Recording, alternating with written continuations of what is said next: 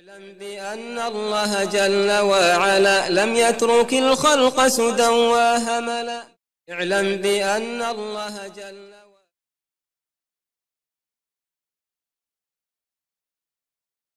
بسم الله الحمد لله الصلاة والسلام على رسول الله. استعين بالله لا حول ولا قوة إلا بالله.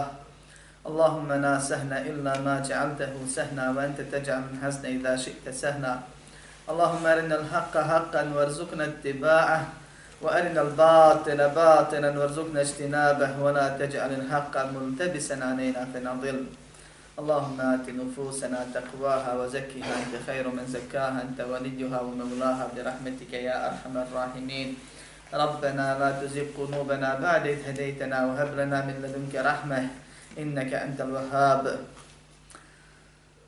اللهم إنا نعوذ بك من النفاق والشقاق وسوء الأخلاق اللهم إنا نعوذ بك من همزات الشياطين ونعوذ بك رب أن يحضرون اللهم يسر ولا تعسر اللهم بارك وتمم بالخير تقبل منا يا أرحم الراحمين أما بعد Sva hvala i zahvala pripadaju samo Allahu, savršenom gospodaru, koji nema sudruga i nikomu sličan i nikomu rava nije, ne ga hvalimo zbog njegove savršenosti. Njemu zahvalijemo na savršenoj odredbi i sudbini koju, nas nije propisao, koju, koju nam je propisao. Od njeg pomoć tražimo, jer bez njega trepnu tokom ne možemo.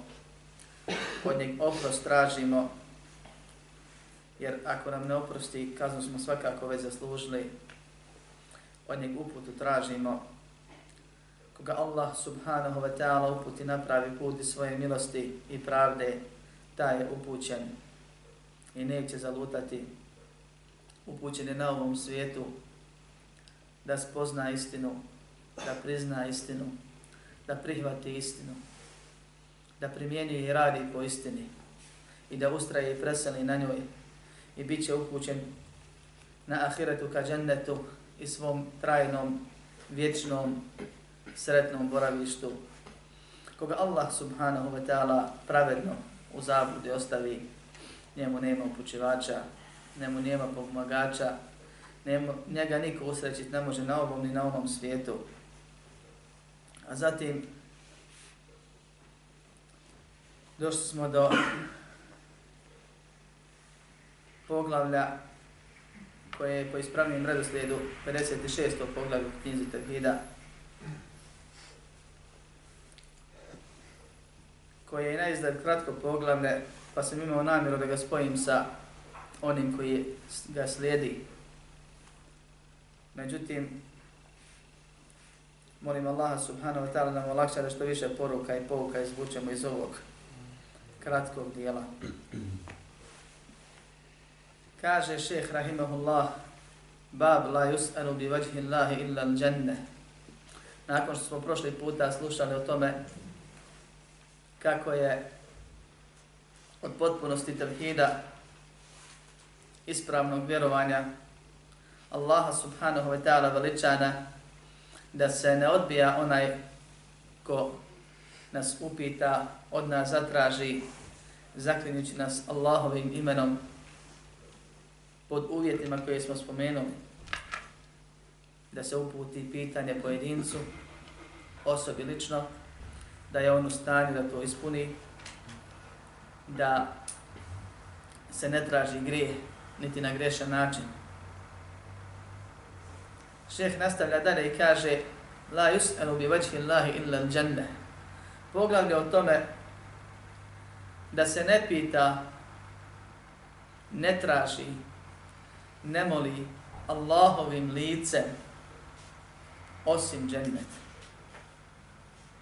Iako ove teme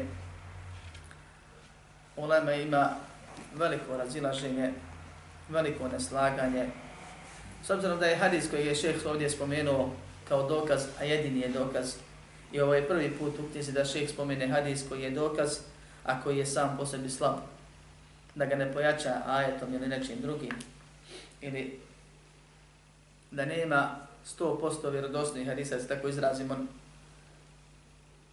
koji su u više dijelova pojasnili pitanje koje se spominje u tom, kao što je bio jedan slučaj nedavno, slučajeva nedavno.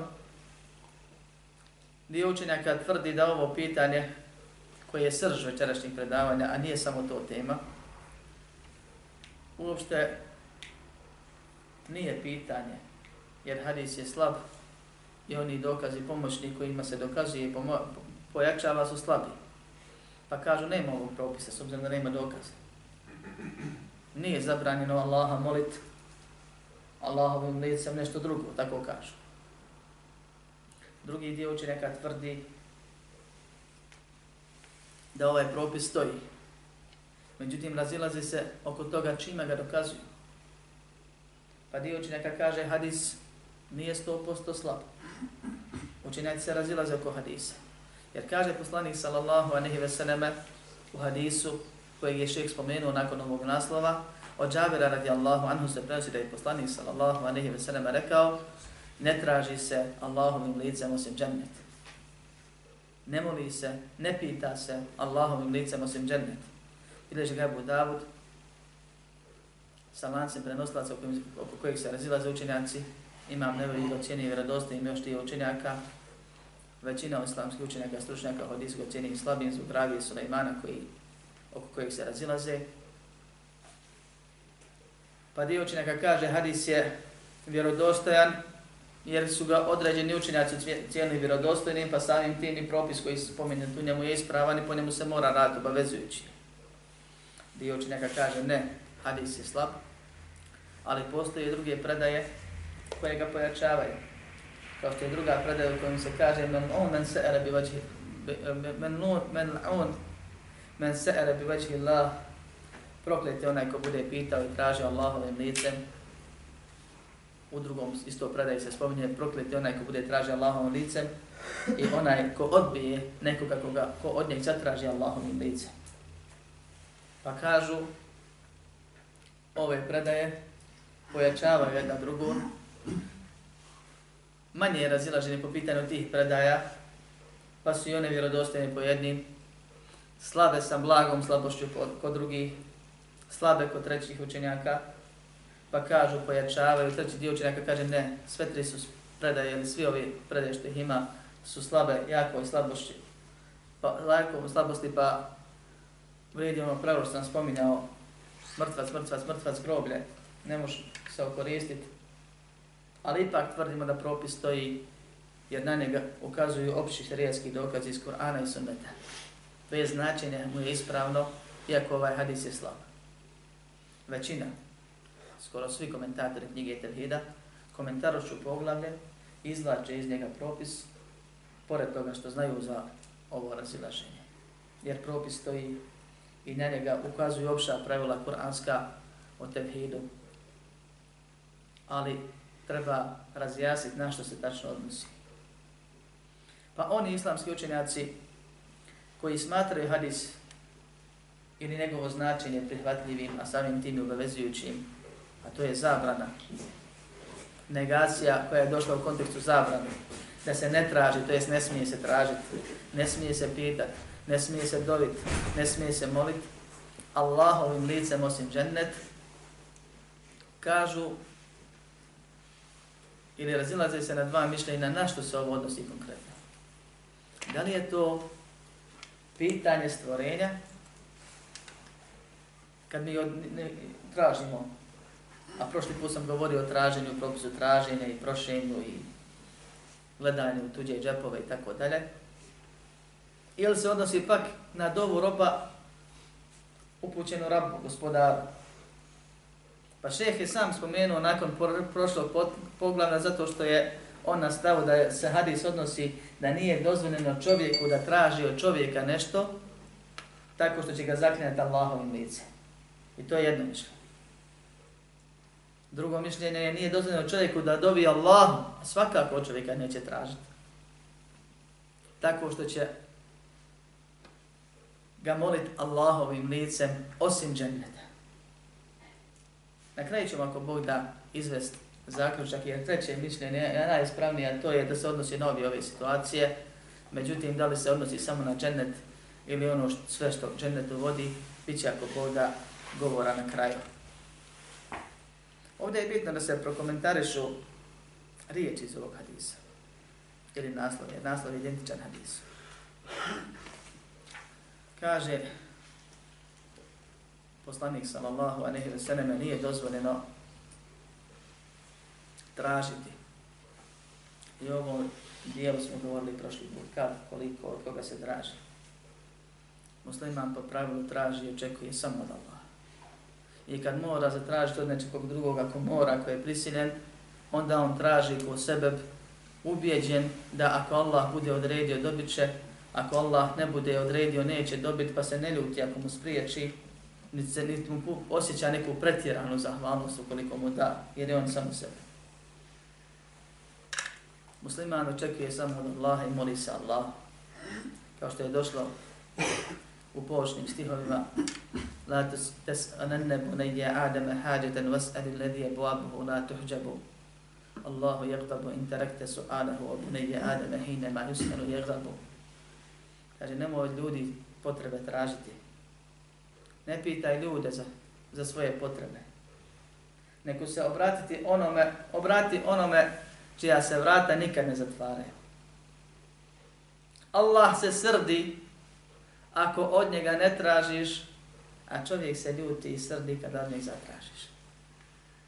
Pa zbog čega da se ponižavaš nekome, kada ako ti je propisano svakako će ti doći, a ako ti je zabranjeno, nije propisano kaderom, tražio, otimao, nećeš dobiti.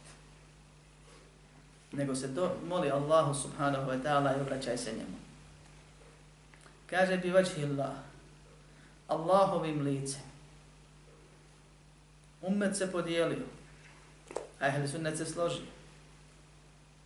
Oko riječi vađ Kur'anu i sunnetu na što se odnosi. Da li je to strana, pravac, ili je to Allahovo biće, ili je to seva pod Allaha i zadovoljstvo Allahovo, i ovo su tri novotarska mišljenja, ili je lice, kao što znači ta riječ. Umet se nije razišao oko toga teoretski, a jest nažalost praktično, oko toga da je obaveza vjerovati Allahu kao što vjerujemo Allah. I to je polazište, počnemo od onoga gdje se slaže. Svi se slažu da Allah govori istinu, da je Kur'an istina, da Kur'an upućuje na pravi put. I Ehli Sunnet wal Jamaat kaže kao što vjerujemo u Allah i vjerujemo da je Kur'an Allahova objava. Ehli Sunnet vjeruje to Allahov govor drugi se baš ne slažu oko ove riječi. Vjerujemo da je Kur'an od Allaha, vjerujemo da je u Kur'anu istina. Obavezni smo da vjerujemo onome što piše u Kur'anu. Pogotovo kad imamo na umu činjenicu da Allah subhanahu wa ta'ala prva osobina kojom opisuje vjernike u Kur'anu je alladine yu'minuna bil gajb. Oni koji vjeruju u gajb. Šta je gajb? ono što je neviđeno, što je nepoznato. Ono što nikad nisi vidio. I što niko nikad nije vidio. Možeš u to samo vjerovati pod uslovom da ti dođe sa nekakvim, na, na nekakav način u kojeg ti nemaš sumnje. A to je objava od Allaha subhanahu wa ta'ala koja karakteriše vjernike. Vjernik je vjernik zato što vjeruje. Stoga ne postoji način da ti neko pokaže i uporedi sa nečim. Jer Allah subhanahu wa ta'ala rejse ke mitrihi šej. Nemu ništa nije slično. I ništa nije isto kao on. I ne možeš reći, ovo stvar koja je došla u Koranu, ona ti je poput ovoga. To je bilo poređenje, to je nevjerstvo. Kod svih. Jer se Allah ne može i ne smije uporediti ni s čim. I ako bi se uporedio, to bi samo bio propast onoga ko poredi, a to bi bila laž. Allahu ništa nije slično. Međutim, Allah subhanahu wa ta'ala sam sebe u Kur'anu i sam sebe objavom koju objavljuje Džibrilu alaihi salam, on donosi Muhammedu sallallahu alaihi wa sallam, pa Muhammed alaihi salam prenosi ummetu, opisuje u sunnetu. Allah se opisuje preko sunnete. I Allah se opisuje Kur'anom. Ne može ga Muhammed sallallahu alaihi ve sellem opisati, jer ga nije vidio. Ne može ga niko opisati. Jer Allah subhanahu wa ta'ala kada je stvorio stvorenje, zastro se od njih. Zastorima, ne jednim.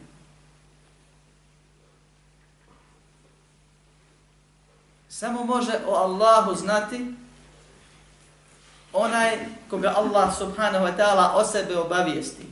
Onako kako ga Allah obavijesti, onoliko i onoj mjeri u kojoj Allah subhanahu wa ta'ala osobi htjedne spomenuti. I zato mi kad čujemo Allahov propis, mi u njega vjerujemo. Isto tako kad od Allaha, bilo u Kur'anu ili vjerodostojnom sunnetu, čujemo Allahov opis, moramo da u njega vjerujemo. Inače je to problem. To se zove nevjerovanje. To nije mala stvar. Allah sebe opisuje i mi smo vjernici zato što vjerujemo u gajbu. Šalno. Stoga, Allah se opisuje i kaže Voli tusne ana ajni da odrastaš pod mojim okom. Allah najbolje govori i najpreciznije govori i najistinitije govori. I mogao reći da odrastaš pod mojim vidom. Ne, nego kaže okom. I mi razumijemo da on odrasta tako što Allah stalno motri i gleda u njega. I razumijemo vid. Ali isto tako daje nam dodatnu informaciju da Allah ima oko. I to vjerujemo. I nije naše da mi Allahu govor prepravljamo i pametujemo i dodajemo i kažemo nije oko nego vid. Allah nas obavještava da je rekao Iblisu Ma mana'ake en tesđuda lima halaktu bejedej. Šta te sprečava?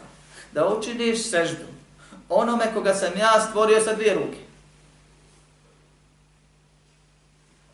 I mi vjerujemo da je bio razgovor između Allaha i Iblisa. I vjerujemo da Iblis nije učinio seždu Ademu. I vjerujemo da je bio nepokoran. I vjerujemo da ga Allah iskritikovao. I vjerujemo da mu Allah rekao to što smo čuli. I vjerujemo ono što stoji u toj rečenci. Da Allah ima dvije ruke. I nije dozvoljeno ne vjerovati u to. Ako bismo htjeli da kažemo nisu to ruke nego nešto drugo, zato mora ima dokaz. Isti. Objavu. Ajet ili hadis vjerodosti. Inače je problem, propast je to. Nije to prepušteno da ljudi konta i misle šta, šta je htio Allah reći. Nije to neki smotani pisac ili onako voli da komplikuje. Pa nešto tamo pisao, pa pustio nama da se mi trvemo oko toga šta je htio reći. To je onaj koji je objavio govor da bude putokaz ljudima do dženneta. Ja sam govor. Mubin, upisuje ga tako. Ja sam pojašnjavajući. Koji najbolje govori i najistinite govori i to kaže u Kur'anu za sebe. Tako i ova stvar. Kada dođe opis Allahovog bića ili opis Allahovih dijela, Allahove osobine se dijeli na ove dvije vrste. Osobine bića, ili vezane za biće, i osobine vezane za njegovo djelovanje. Pa Allah sebe opisao u Koranu i sunnetu. Tako da ima lice, tako da ima oči, tako da ima ruke, to dvije. Tako da ima nogu, da ima stopala, da ima prste na rukama i druge opise. Allah za sebe kaže u Kur'anu ili Muhammed sallallahu alaihi ve selleme kako mu je objavljeno prenosi umetu u sunnetu. I muslimanu ostaje samo da vjeruje jer je to gajb. I da bude vjernik koji vjeruje u gajb i namaz obavlja i da je ostane osobina. To je prva osobina, temelj svega. Allah subhanahu wa ta'ala između ostalih stvari ili opisa, neki od tih opisa govore o njegovom biću. Pa sam spomenuo primjere a neki govore o njegovim dijelima. Pa se Allah između ostalog opisuje i kaže Allah se spušta. Kažem Allah se opisuje, nego će reći laže, nema toga u Kur'anu. Allah za sunnet kaže da je njegova objava Muhammedu a.s. I što poslanik sallallahu alaihi wa sallam obavijesti o gajbu, tomu je Allah rekao preko Džibrila. Ili na ona tri načina objave. I može se reći. I nije to greška. To je jači. Allah se opisuje i kaže da se svake noći spušta na ovo zemaljsko nebo. Allah se u Kur'anu opisao da se digao iznad arša. ili neke druge stvari koja govore o njegovim dijelima, nisu usko vezane za njegovom biću, nisu sastavni dio njegovog bića. Pa se to zove osobine dijela. Od osobina bića nećemo ići daleko, jer ovo će nam opet doći ako Bog da nekad kasnije, posle Ramazana za Allahom pomoć, pa ćemo lakše i detaljnije govoriti. Od osobina bića, i to je jedna od najbitnijih i najveličanstvenijih i najvažnijih osobina kojom se Allah subhanahu wa ta'ala opisao i predstavio svojim robovima, je to da Allah ima lice. Na to da Allah ima lice ukazuje Kur'an u nekoliko ajeta. Sunnet također u mnoštvu hadisa vjerodostojnih. Ne ovako što su se razilazili. Ovaj. Oko propisa da li je dozvoljeno dobiti Allahu sa njegovim licem nešto osim dženeta ima razilaženje koje sam spomenuo. A ako toga da ima Allah lice, nema razilaženja među selefom. Ima kasnije se pojavilo. Na to ukazuje mnoštvo ajeta, nekoliko ajeta i mnoštvo hadisa i konsensus islamskih učenjaka. U prvih nekoliko generacija nije bilo razilaženja oko toga. Ljudi čitali Kur'an i vjerovali što stoji tu. Pa kada Allah subhanahu wa ta'ala kaže kullu men alejha fan wa yabqa wajhu rabbika dhul jalali ikram sve što je na zemlji prolazno je ostaje samo lice tvoga gospodara sveto i plemenito Vjernici su prvi generacija bez sumnje vjerovali da će sve provođe, će samo Allah ostati da se Allah u ajetu dodatno pisao lice. Da Allah ima lice. I kaže, veđhu rabbike, Zul džanani, ostaje lice tvoga gospodara, sveto i plemenito. A ne kaže svetog i plemenito. Pa da se ova dva opisa odnosi na gospodara. Ne, nego se odnosi na lice. Lice sveto, lice plemenito. Što je dokaz da su ovo opisi lice. I da ovo nije nešto drugo, seva. Ne može biti seva svet plemenito. Strana, pravac i tako dalje. Nego se odnosi na Allaha, na Allahovo lice. A kad Allah opisuje svoje biće, u ajetu drugom istoj suri, suri Rahman, kaže Tebarak jesmo rabbike dil dženan vel ikram. Neka je uzvišeno ime tvog gospodara svetog i plemenitog. Koga? Gospodara. Ne ime. Pa ovo je jedan od dokaza da Allah subhanahu wa ta'ala ima lice. Allah uzvišen je reži Muhammedu sallallahu aleyhi wa sallam. واصبر نفسك مع الذين يدعون ربهم بالغداة والعشي يريدون وجهه. Budi, ustraj, izdrži, osaburi, sa onima koji se tvome gospodaru jutrom večeru moli, mole, želeći njegovo lice. وَمَا تُنْفِقُونَ إِلَّا ابْتِغَاءَ وَجْهِ اللَّهِ Vi ne udjerijete osim zato što hoćete Allahovo lice. I to je, braćo moja, lice koje se gleda i koje se vidi. Nije nešto zamišljeno abstraktno, ko što neki kažu. Ne znamo šta je. Kažemo već, ali ne tumačimo. Ne znamo šta je. Jer Allah subhanahu wa ta'ala opisuje vjernike na sudnjem danu u džennetu.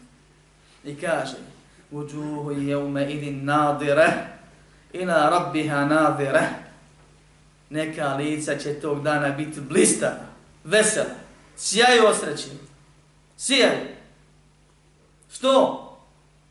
U gospodara svoga gledaj, kaže Allah subhanahu wa ta'ala. I to nije mala stvar.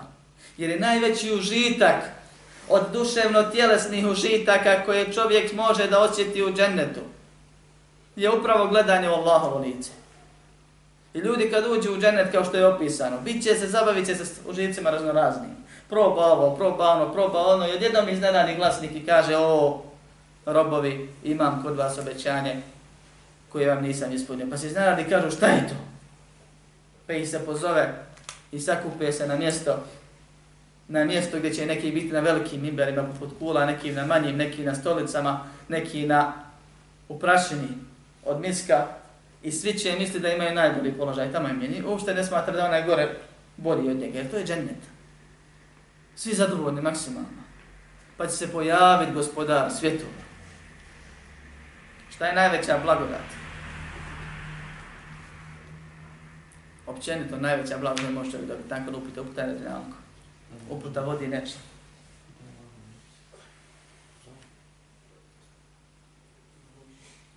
Ko zna? Reci. Šta si rekao? Nagodojstvo. Allahovo zadovoljstvo, ridvanu min Allah, ekber, kaže Allah subhanahu wa ta'ala. Zadovoljstvo Allahovo je najveće. To je blagodat. Užitak u čemu čovjek uživa konkretno kad je u tome, najveći Allahov Allahovo. Gledanje u Allahovo lice. I to je stvar koju može samo shvatiti onaj koji je došli. Da blista, da sija od radosti. Da se Allah ponovno ne zastre, niko se ne bi vratio ni jednom dženevskom užitku. Sve bi zaboravili. Ukoči se pogled, ali od užitka. Međutim, braćo moja, taj užitak ne bi bio, jer ima svoje razloge, ne bi bio potpun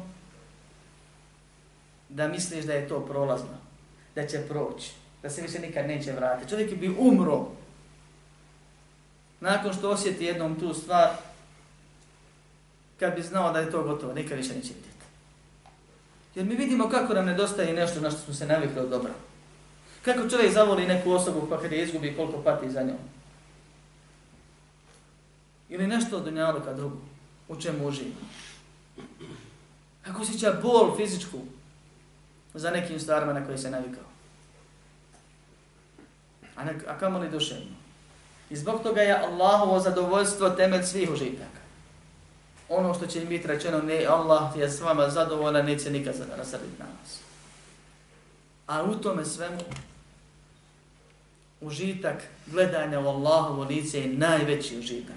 I Allah od nas traži da radimo dobra djela s nijetom dobivanja tog užitka.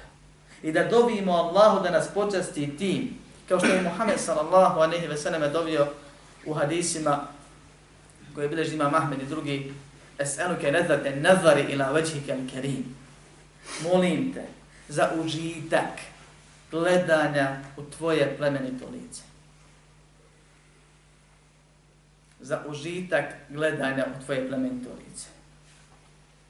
I poslanik sallallahu alaihi ve sellem je dovio Allahu, a to će, o tome ćemo kasnije govoriti, preko ili spominjanjem njegova lice. Ali čovjek radi dobra djela želeći Allahovo lice i želeći Allahovo zadovoljstvo. I treba da ima na umu ovu stvar. Allah je u Kur'anu spomine nekoliko mjesta. Juri dune vajhe, žele Allahovo lice. Čovjek treba cilja to sa nekim dobrim djelima kad ih radi. Ne samo seba onako općenito. Jer se to traži od vjernika. Jer postoji mišljenje kod učenjaka ehli sunneta da onaj ko negira i ne vjeruje u Allahovu lice od novotara, da ga neće gledati u džennetu. Po drugom stavu to će biti privremeno. Jer na kraju džennetu niko neće biti nesrećen. Kogod uđe, ali kažu na osnovu hadisa ko bude pio alkohol na dunjalku, neće biti na ahiretu, ko bude nosio svira na dunjalku, neće nositi na ahiretu i drugi hadisa, slični tome, ko bude negirao ono što Allah naređuje da se vjeruje, da se mora, makar ima opravdanje, pa ne bio nevjernik, nego bio novotar, Opravdanje za tekfir, ne opravdanje za krivo vjerje. Da će biti mu zabranjeno da gleda Allahovo lice. Čovjeku treba da bude prioritet od njegovih ciljeva prvo džennet, a zatim u džennetu Allahovo lice. I džennet je najveći cilj, jer u njemu dolazi sve ostalo. I ispravno reći da je džennet najveći cilj, a ne pojedinačna ova stvar.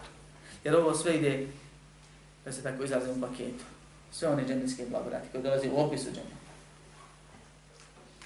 I čovjek treba da ima na umu stvar i da razmišlja i da se bori, i da se trudi i da određena dobra djela nije ti s ciljem postizanja, dobivanja Allahove milosti, Allahovog sevapa, Allahovog zadovoljstva, Allahova lica i gledanja u Allahovu subhanahu wa ta'ala lica. Jer je to najveći mogući užitak. Gledaš nešto što je najljepše fizički. Gledaš nešto što je najljepših osobina. Gledaš onoga koji ti je sve dao koji te napravi put uputio. Zatim te na njemu učvrstio i usmrtio. Zatim ti na sudnjem danu oprostio. U džennete svoj uveo. Izba, vatre izbavio ili sačuvao. I počastio te time da uživaš vječno. Da imaš zadovoljstvo nakon kojeg nema straha, tuge, umora, bolesti, starosti i tako dalje. I da u tim svim užicima istopiš se gledajući njega pod svim tim uvjetima, u tom džennetu, na tom mjestu, u tom trenutku, nakon svega onoga što se proživio. I to je užitak nad kojim nema užitka. Ali nije to samo po sebi najveća blagodat, nego Allah subhanahu ta'ala zadovoljstvo, koji prvenstveno mora biti cilj vjerniku. A ono se postiže robujući Allahu po njegovim pravilima. Ulaganje maksimalnog truda u tome. Niko neće sve postići. Nema osobe koja je bezgrišna. Niti može biti. Ali Allah od tebe traži da se trudiš i da se kaješ i popravneš. I da nije tiš da budeš iz godine u godinu bolji, iz dana u dan bolji, da se ne zadovolji s nekim nivom, makar ako on u tvojim očima bio veliki. Jer onog momenta kad misliš da si uspio, tad se tek počeo proprati. Čovjek je uspio samo kad uđe sa dvije noge u ženete. Kaže, ne traži se sa Allahovim licem osim dženeta. Dio učenjaka kaže, nije dozvoljeno vjerniku da išta moli Allaha, a kamo ni ljudi? Spominjući ovu stvar, molim te tvojim licem, molim te tvojim plemenitim licem, osim džennet. Direktno. Jer je zato došao dokaz. Drugi dio učenjaka na osnovu mnoštva hadisa gdje je poslanik sallallahu a nehi ve selleme dobio Allahu ili se uticao Allahu spominjući njegovo lice ako i nisu direktna nije cilj direktan bio džennet i nije direktno spomenut džennet kažu obaveze je musliman da veliča Allaha i zbog toga je ovaj poglavlje u knjizi od I da ne omalovažava Allahu bilo koje svojstvo i osobinu pogotovo ne najljepše. užitak, najveći, cilj vjernika, a to je Allahovo lice, sa nekim nebitnim ciljevima. Nego treba da dovi džennet i ono što njemu vodi. Da traži džennet i ono što njemu vodi. Bio to spas od vatre, jer ko bude od vatre udaljen u dženetu, bit će u dženetu uveden.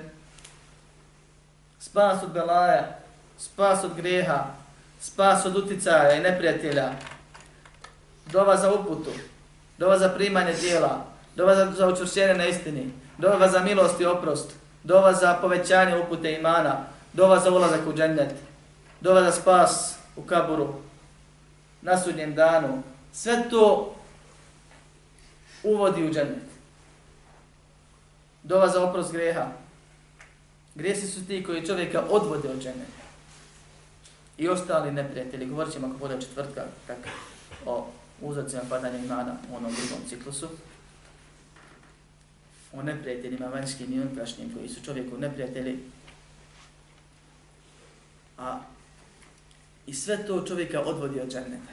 Pa kad bi čovjek utjecao sa Allahu njegovim licem od tih stvari, dozvoljeno je. Jer to vodi ka džennetu. Ili doveo, dovio Allahu bilo šta što vodi ka džennetu, dobrih dijela, od upute, ustrajnosti i spasa od drugih balaja, ponovno je dozvoljeno. Šta nije dozvoljeno moliti? Spominjući Allahovo lice, a također i druge Allahove osobine. Ali prije svega ovu, nije dozvoljeno moliti bilo šta od dunjaluka. Jer je dunjaluk nebitan. Došlo je u hadisu da Allahu dunjalu predi koliko je krilo mušice i pomarca, ne bi dao nevjerniku da se vode s njega napije. Dunjaluk je prolazan, Allah će ga uništiti, smrviti, zgužvat, bacit, raspast, zamijeri drugom zemljom, neće na ovoj ne sudi. na koji se nije krv proljevala griječenje. I zato čovjeku, vjerniku, koji ispozna Allaha subhanahu wa ta'ala i njegovu veličinu, ne dolikuje, neshvatljivo je, da dovi Allahu, spominjući njegove osobine ili pogotovo njegovo lice, za nešto od dunjalka, ma šta to bi? To bi bilo indirektno omalovažavanje Allaha uzvišenja. To je znak nespoznaje Allaha.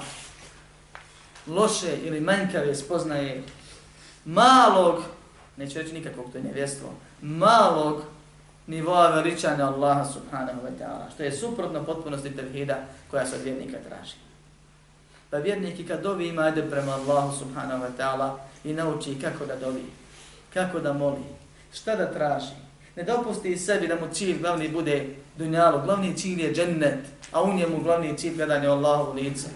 I ti to založiš, ispadneš indirektno kao onaj što je prodao vjeru za večeru.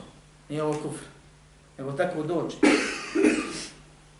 Založiš najbitnije za nešto što je nebitno. Dobio, izgubio, nebitno. I to može biti problem. Sve što mi tražimo dunjaluka i ženimo i radimo za to i pripremamo se i borimo se, može biti dokaz protiv nas na ahiretu. A može biti korisno. Ne znam. A ulazak u džennet, dobra djela, uputa, borba za istinu, spas od vatre, sigurno su dobre za nas. Samo je pitanje koliko ćemo se boriti, koliko ćemo se truditi, kako ćemo se prema tome obhoditi. Hoćemo li Allahu subhanahu wa ta'ala dobiti kao što je poslanik sa sem dobio za njegovo zadovoljstvo, utjecati se od njegove subhanahu wa ta'ala sržbe, dobiti za užitak gledanja u njegovo lice, Dobit za džennet i ono što njemu približava, kao što je poslanik sallallahu a negdje se ne dovio, hadisu koji također bilježi imam Ahmed, Allahu moj, molim te za džennet i ono što njemu vodi i da me sačuvaš od vatri onoga što njoj vodi. Ili će nam prioritet od ovama biti neke druge stvari. Ovo ne znači ni u kom slučaju da čovjek ne treba Allahu dovi za dunjavu. Nego da ne treba Allahovim osobinama, Allahovim licem, pogotovo jer dašao tekst na tu temu dovi za dunjavog. Od Selefa se spominje i prenosi da su dogodi za manje stvari, su preporučivali drugima da dobije za sol, za hljeb, za perte kad mu puknu. Dovi Allah, pa onda ide popravlja i kupuje i traži novi. Jer kom Allah ne da, neće ih naći, neće ih popraviti, neće moći obuti ništa više na novi. I to Allah voli. Allah voli da se moli. Allah traži od ljudi. Da čovjek stalno pokazuje ovisnost. Da kad izađe iz kuće, prouči dovu, makar izašao to prodavnici u lizu prouči dovu u kojoj traži spas i zaštitu. Ne zna šta te može sve. I ne morate ništa, bitno je s tim pokazao ovisnost. Da si se zamolio, si se vam dobio. I čovjek treba da dovi od sitnica, od soli, od najsitnije stvari, pa do najkrupnije dunjalučke Allahu subhanahu wa ta'ala. Što više dovimo, sve, to više se vapa imamo, to nam se više iman povećava, to nam se više Allah odaziva, to je znak da nas Allah više voli jer smo za njeg vezani, jer nas je za sebe svezao. Ali kad dovimo da ne ulažemo najbitnije stvari za nešto što je privremeno bitno, a u suštini nebitno totalno. Nama to treba sad, bez toga ne možemo, pa zato se trudimo i radimo. U konačnici to nebitno, sve ostane za čovjeka, a čovjek ode Allahom sa njegovim dobrim i lošim djelima. I na osnovu toga račun polaže što ima kod sebe, što je ponio sa sobom u kapu. Zbog toga molim Allaha uzvišenog njegovim licem plemenitim da nas počasti ulazkom u džennet i onim što njega, njemu vodi i da nas sačuva od džehennema i bilo koje vida patnje na dunjaluku jer je i poslanik sallallahu alaihi ve selleme tražio zaštitu nakon što je Allah ajet objavio o kaznama još na dunjaluku ili na ahiretu molim Allah subhanahu wa ta'ala da nam se smiluje, da bude zadovoljan s, njim, s nama kad nas usmrti i da bude zadovoljan i milosti prema nama kad nas proživi i da nas uvede u dženicu srčva džahnime dženice kazne. Amin. Walhamdulillahi rabbi.